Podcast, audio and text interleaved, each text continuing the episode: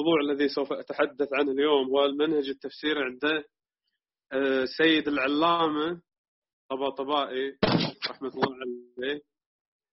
وإذا بقي شيء من الوقت يمكن أن نتعرض أن أتعرض إلى بعض النقود والإشكالات والإيرادات المهمة التي وجهت لهذا المنهج. منهج السيد العلامة في تفسير القرآن هو المنهج المعروف عادة باسم تفسير القرآن بالقرآن. ولكن سيد العلامة وصفه في كتابه القرآن في الإسلام بأنه يبتني على الاستقلال الدلالي للقرآن الكريم. وهذا التعبير ربما يكون أوصل للمعنى من التعبير المتداول تفسير القرآن بالقرآن. آه، وهذا إن شاء الله سوف يتبين في تفصيل الكلام. آه، سيد العلامة اعتمد على فكرة تفسير القرآن بالقرآن أو على فكرة الاستقلال الدلالي للقرآن الكريم في وضعه لتفسيره الجامع الكبير المعروف بتفسير الميزان الذي هو أحد نوادر هذا العصر. ويعني من الكتب التفسيرية المهمة جليلة القدر التي قدمت آه، مادة فريدة للغاية من يوافق عليها ومن يخالف عليها يعني يضطر لاحترامها لما فيها من الجهد العلمي المميز. على أي حال سيد العلامة في مقدمة كتابه في تفسير الميزان يقول أن أن التفسير المراد من التفسير هو بيان المعاني بيان معاني آيات القرآن الكريم والكشف عن مقاصده ومداليله. البعض يقول أن هذا التعريف ينطوي على مرحلتين. المرحلة الأولى بيان المعاني المستخرجة من الدلالة اللفظية فقط.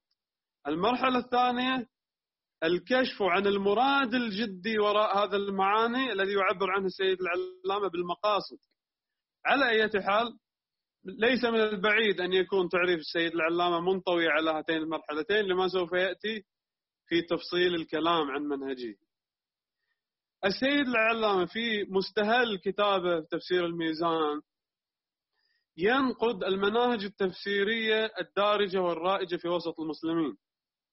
يقول أن الحاجة للتفسير تطورت في وسط المجتمع الإسلامي منذ صدر الإسلام إلى المراحل المتأخرة وخلال هذه المراحل المختلفة نشأت عدة مدارس تفسيرية وعدة مناهج تفسيرية مثل منهج التفسير الكلامي مثلا منهج التفسير الفلسفي أو الصوفي العرفاني أو ال ال الذي يتبعه المحدثين مبتني على الرجوع إلى السلف. أو المناهج الحديثة المبت... التي تحاول أن تفسر القرآن من خلال النظريات العلمية الحديثة مثلا. يوجه نقدا مشتركا إلى جميع هذه المناهج التفسيرية. فيقول جميع هذه الطرق في التفسير في تفسير القرآن الكريم مبتلات بإشكال مت... يعني يأتي عليها جميعا. وهي أن هؤلاء المتخصصون من الفلاسفة والعلماء والأدباء والمتكلمين وغيرهم. هؤلاء عندهم أفكار مسبقة عندهم عقائد ونظريات مسبقة ويأتون إلى القرآن الكريم ويحملون القرآن الكريم ما توصلوا إليه في أبحاثهم ويسقطون نتائج أبحاثهم على آيات القرآن الكريم. فيستدلون بالقرآن الكريم لإثبات صحة ما ذهبوا إليه من المعتقدات بالنسبة إلى المتكلمين أو المعت... أو أو القواعد بالنسبة إلى الفلاسفة أو النظريات العلمية بالنسبة آه، للعلماء آه، مثلا أو ما يدعى من الإشارات بالنسبة للمتصوفة والعرفاء مثلا. يقول هذا المنهج خاطئ ولا يعتبره السيد العلامة تفسيرا أصلا. يقول كل ما يفعله هؤلاء إنما هو من باب التطبيق لا من باب التفسير. الفرق بين التطبيق والتفسير أن التفسير هو عملية الكشف عن مرادات آه، القرآن الكريم وهو يأتي في مرحلة مسبقة. أما التطبيق فهو عملية تطبيق هذه المرادات على مواردها وعلى الوقائع المختلفة التي تشير لها هذه الآيات. فما يقوم به المتكلم أو الفيلسوف أو الصوفي أو عالم الطبيعة الذي يأتي بذهنية مسبقة ولا يبحث في دلالة الآيات وإنما يريد أن أن يفتش عن الآية التي تتناسب مع عقيدته أو مع نظريته. هذا ليس من باب التفسير بل من باب التطبيق. لا أطيل في هذه المقدمة حتى لا يعني نقصر من الكلام عن أصل نظرية السيد العلامة. إذا كل هذه الاتجاهات ليست اتجاهات صحيحة ولا مقبولة عند السيد العلامة. ما هو الاتجاه الصحيح؟ هو ما يع... هو الاتجاه المعروف بتفسير القرآن بالقرآن. أو الاستقلال الدلالي للقرآن الكريم. يعني أن نفسر القرآن الكريم نكتشف معانيه ومقاصده من خلال التدبر فيه.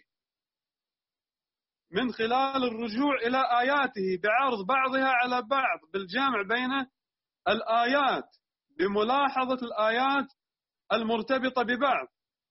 فإذا لاحظنا مجموع هذه الآيات بجمع هذه الآيات وملاحظة الارتباطات بينها تتكشف لنا مقاصدها ومراداتها. توضيح هذا المعنى المجمل آه، يمكن يمكن أن يكون عبر نقاط التالية. اولا السيد العلامة يقول ان يكرر هذا المعنى أن القرآن الكريم لم يتخذ الله عز وجل في القرآن الكريم لم يتخذ لنفسه طريقة خاصة غير مألوفة في بيان مراداته للناس. لم يستعمل لغة المصطلح التي يستعملها العلماء في تخصصاتهم. لم يستعمل لغة رمزية لا يفهمها إلا من يعرف هذه الرموز. بل تكلم بحسب نظام اللغة العربية وبحسب طرائق الفهم العرفي. وقد كرر هذا المعنى مرارا لا سيما مثلا في أحد المرات في تفسير قوله تعالى وما أرسلنا من رسول إلا بلسان قومه ليبين لهم. اذا لغة القرآن الكريم ليست لغة من حيث التركيب اللغوي خاصة وفريدة ومتميزة عن غيره. القرآن استعمل ادوات طرائق الحوار العرفي. وإذا أردنا أن نكتشف آه، المعاني اللفظية الكامنة وراء هذه آه، الآيات فينبغي أن نرجع إلى نظام اللغة ليس إلى شيء آخر. هذا أولا. وثانيا بالإضافة إلى ذلك فإن القرآن الكريم كثيرا ما وجه خطابه لفئات من الناس ليسوا متخصصين. اليهود المسلمين المؤمنين عامة الناس. هذا أيضا يدل على أن مخاطب القرآن الكريم ليس فئة خاصة من الناس. هذا ثانيا وثالثا القرآن الكريم الله عز وجل في القرآن الكريم دعا عامة الناس للتدبر في آياته. كل هذه المقدمات ينبغي ملاحظتها. ولكن المقدمة الأساس والأهم ومركز الثقل في نظرية السيد العلامة هي الآيات الكريمة التي تصف القرآن الكريم بأنه نور وبأنه تبيان لكل شيء. وبأنه هدى وبأنه بيان وما إلى ذلك من أمثال هذه التعبيرات.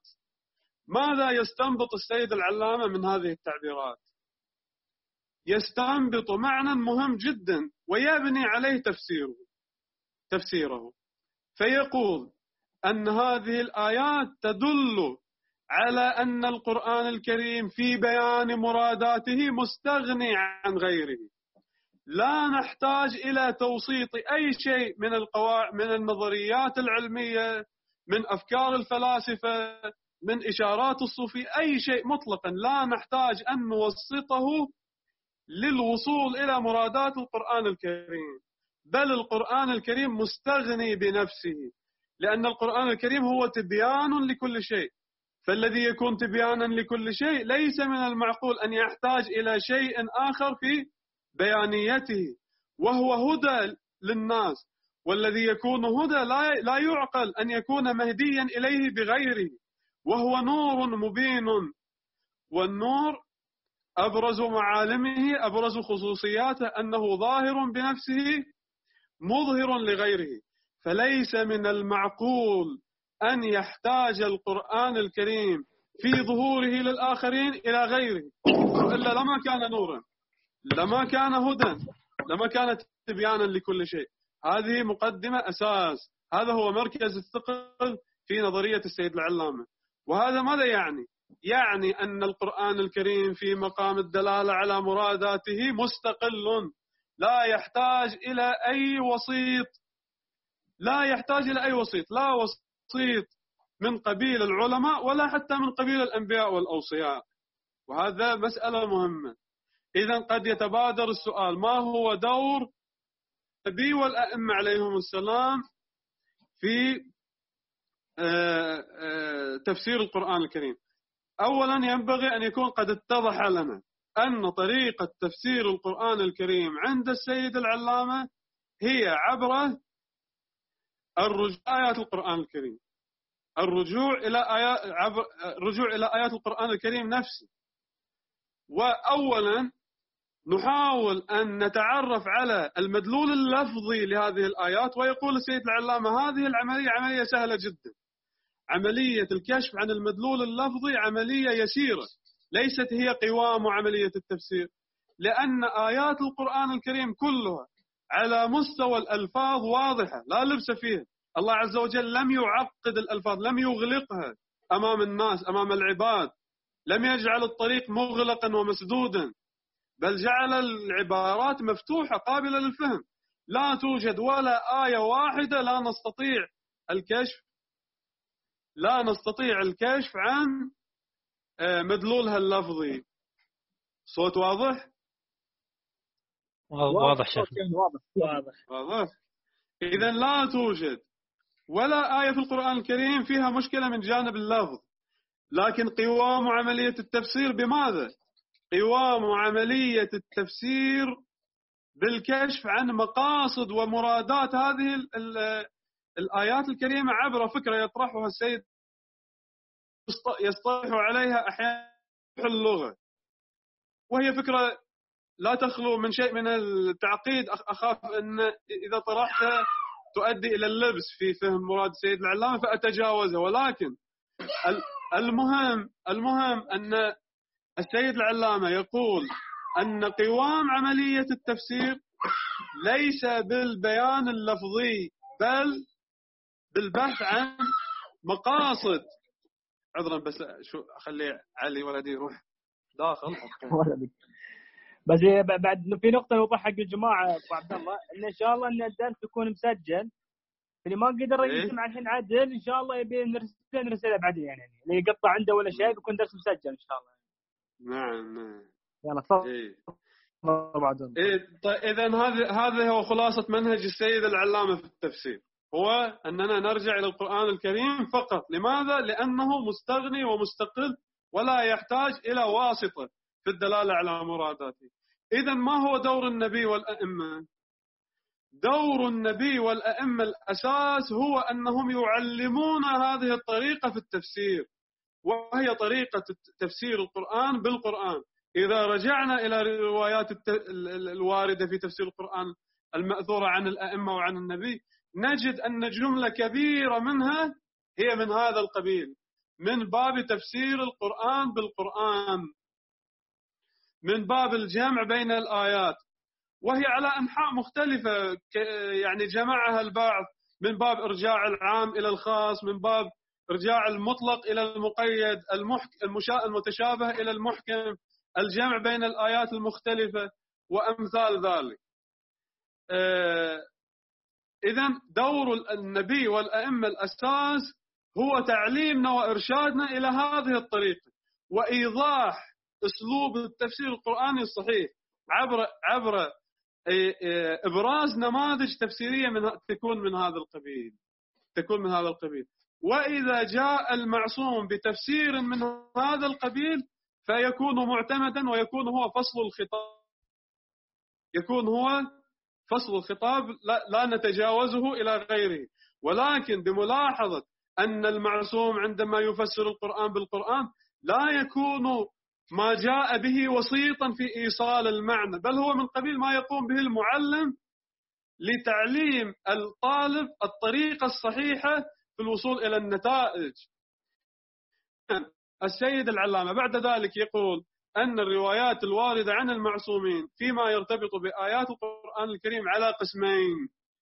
روايات تفسير روايات تفسير وروايات أخرى ليست روايات تفسيرية بل روايات يعبر عنها أنها من باب الجري والتطبيق ومن باب أنها تأويل لباطن الكتاب الكريم.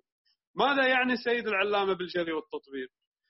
يقول السيد العلامة أن القرآن الكريم له موارد ينطبق عليها وموارده التي ينطبق عليها لا تختص بموارد النزول لا تختص بالموارد التي كانت شأنا للنزول بل القرآن الكريم ينطبق على موارد ما دامت الحياة ما دامت الحياة موجودة فله موارد تنطبق عليها آياته. ويسميها يسمي هذه النظرية بنظرية الجري والتطبيق اعتمادا على رواية آه، جاءت رويت عن الإمام الباقر يقول فيها أن آه، أقرأها أن في تفسير العياشي عن الفضيل بن يسار قال سألت أبا جعفر عليه السلام يعني الإمام الباقر عن هذه الرواية ما في القرآن آية إلا ولها ظهر وبطن وما فيها حرف إلا وله حد. ولكل حد مطلع ما يعني بقوله ظهر وبطن قال يعني الإمام الباقر ظهره تنزيله وبطنه تأويله منه ما مضى ومنه ما لم يكن بعد. يجري كما يجري الشمس والقمر. كلما جاء منه شيء وقع الحديث. يعني أن القرآن الكريم الموارد التي ينطبق عليها متجددة تجري مجرى الشمس والقمر. فإذا جاء الإمام الصادق مثلا وقال لنا أن هذه الآية المقصود بها الإمام الحسين مثلا مع أن سياق الآية لا لا يظهر من الدلالة على هذا المعنى فهذا ليس تفسيرا بل من باب التطبيق من باب الجري والتطبيق. يعني أن هذا من الموارد التي تنطبق عليها الآية الكريمة حتى لو لم يكن هو مورد النزول. مورد النزول ربما راح وانتهى وذهب. ولكن القرآن الكريم في انطباقه لا يقتصر على موارد النزول. وهذا كثير جدا في روايات أئمة أهل البيت. السيد العلامة يقول من ذائقة أهل البيت التفسيرية أنهم يعتنون بفكرة الجري والتطبيق. دائما يشيرون إلى الموارد التي تنطبق عليها آيات القرآن الكريم. وهذا ليس تفسيرا ينبغي أن ننتبه هذا ليس تفسير. هذا تطبيق لآيات القرآن الكريم على مواردها الحقة والصحيحة. وأمثلته كثيرة جدا في القرآن الكريم. مثاله أحد أمثلتها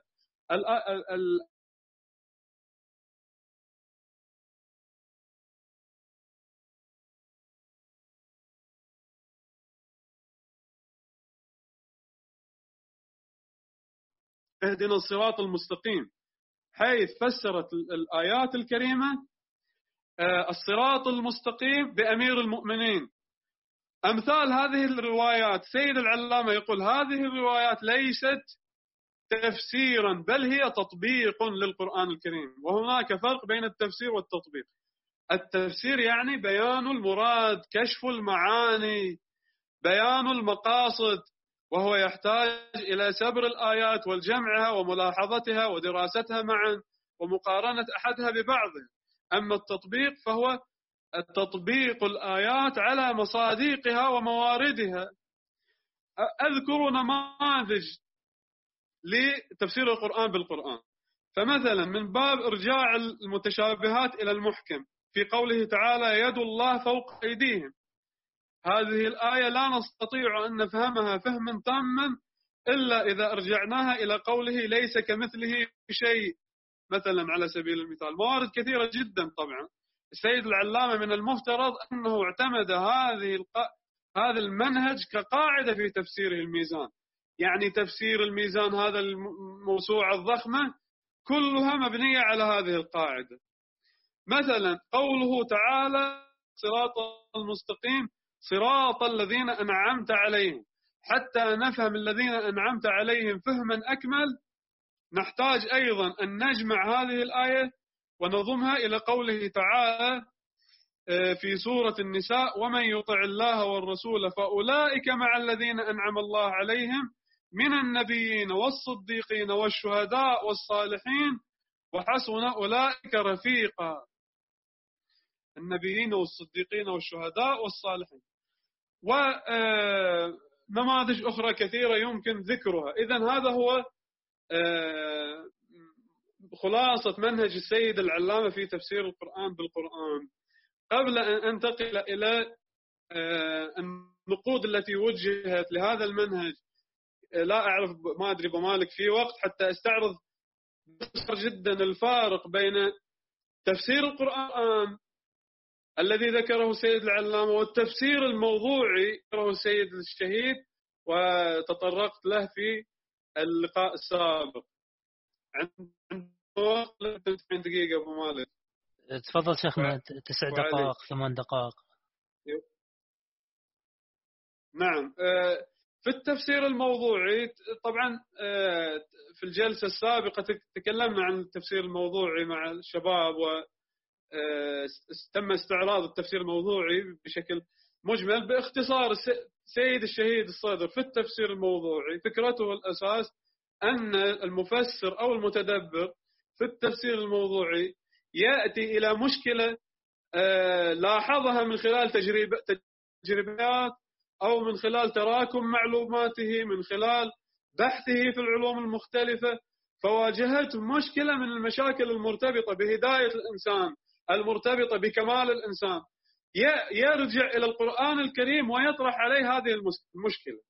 ويحاول أن يستنطق آيات القرآن الكريم للبحث عن جواب عن هذه المشكلة. فيجمع كل ما له رابط بهذه المشكلة ويقوم الآيات ليستخرج بعد دراسة النسبة بين الآيات المختلفة. ما يشكل مقدمة ما يشكل نتيجة. يجمع الأضلاع والأركان ويخرج بنظرية قرآنية تجيب على هذا الإشكال.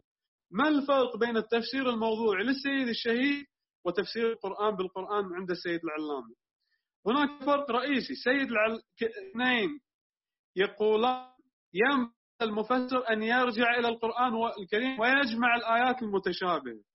ولكن الفرق أن السيد العلامة يقول أننا إنما نجمع من الآيات ما يرتبط بالآية التي نريد أن نفسرها فقط. وغرضنا من هذا الجمع الكشف عن مدلول هذه الآية. ضمن طريقة التفسير الترتيبي لا يوجد عند السيد العلامة بالضرورة تفسير موضوعي. ولا نبحث بعد ذلك عن آيات ربما تكون مرتبطة بنفس الموضوع من من جانب آخر من بعد آخر من زاوية أخرى ولكنها لا تعطي لا تؤدي دورا في الكشف عن مدلول الآية محل النظر. لا نحتاج أن نذهب عند آه، في منهج العلامة. أما في منهج السيد الشهيد لا. كل آية مرتبطة بالموضوع محل البحث مؤثرة في تكوين نظرية القرآن الكريم ينبغي أن نجمعها وأيضا أسلوب الجمع بين الآيات عند السيد الشهيد مبني على طريقة الخروج بنظرية لا الخروج بالمعنى آه، والمراد الجدي من الآية. نريد أن نخرج بنظرية فنحتاج أن نعمل جهدا تحليليا مضاعفا. بينما عند السيد العلامة نجمع الآيات للكشف عن المراد الجدي لمعرفة المصداق الحقيقي للآية والغاية التي جاءت لأجلها الآية الكريمة. إذا هذا هو الفارق باختصار بين تفسير القرآن بالقرآن عند السيد العلامة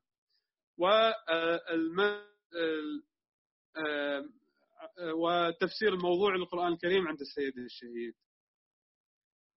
هذا فيما يرتبط بعرض نظرية السيد العلامة. أما الانتقادات لأنه لم يعني لم يبقى وقت طويل أذكرها كرؤوس أقلام كعناوين عامة. أصل فكرة بيانية القرآن الكريم. هذا أتصور أنه أهم إشكال على سيد العلامة أهم ملاحظ على سيد العلامة. ماذا يقصد بأن القرآن تبيان لكل شيء؟ ماذا يقصد بأن القرآن هدى؟ ماذا يقصد بأن القرآن نور؟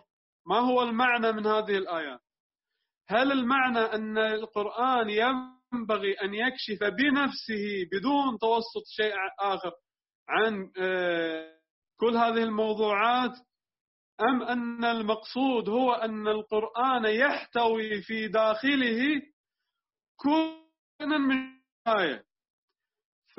فإذا, فإذا ادعى إنسان ما أن عنده فكرة ترتبط بهداية الإنسان قاعدة مبدأ يرتبط بهداية الإنسان وليس موجودا في القرآن الكريم فما ذكره ليس من باب الهداية إلا أن يكون مذكورا في القرآن الكريم.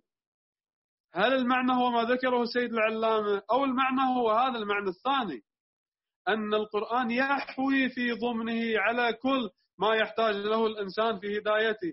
نعم في بعض الأحيان يحتاج إلى توسيط غيره لاستخراج هذه هذه الهداية. هذا مطلب أساسي جدا يعني لا أعرف إذا كان الفارق بين وجهتين النظر صار واضحا. المطلب الثاني أن هناك آيات في القرآن الكريم تشير إلى أن القرآن الكريم له شأن من العلو لا يصل له غيره له شيء من الخفاء الذي يحتاج نحتاج في تجاوزه إلى بلوغ مرتبة خاصة مثل قوله تعالى في كتاب مكنون لا يمسه إلا المطهرون.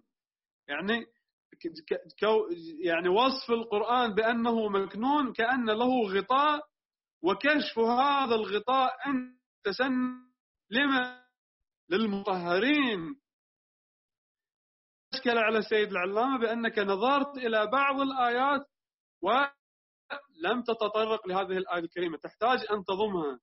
إذا تشكيلين قالوا أن نحن لا نقبل ما ذكره السيد العلامة من أن القرآن مستقل في مقام الدلالة ولا يجوز أن نوسط شيء حتى المعصومين في الكشف عن دلالته.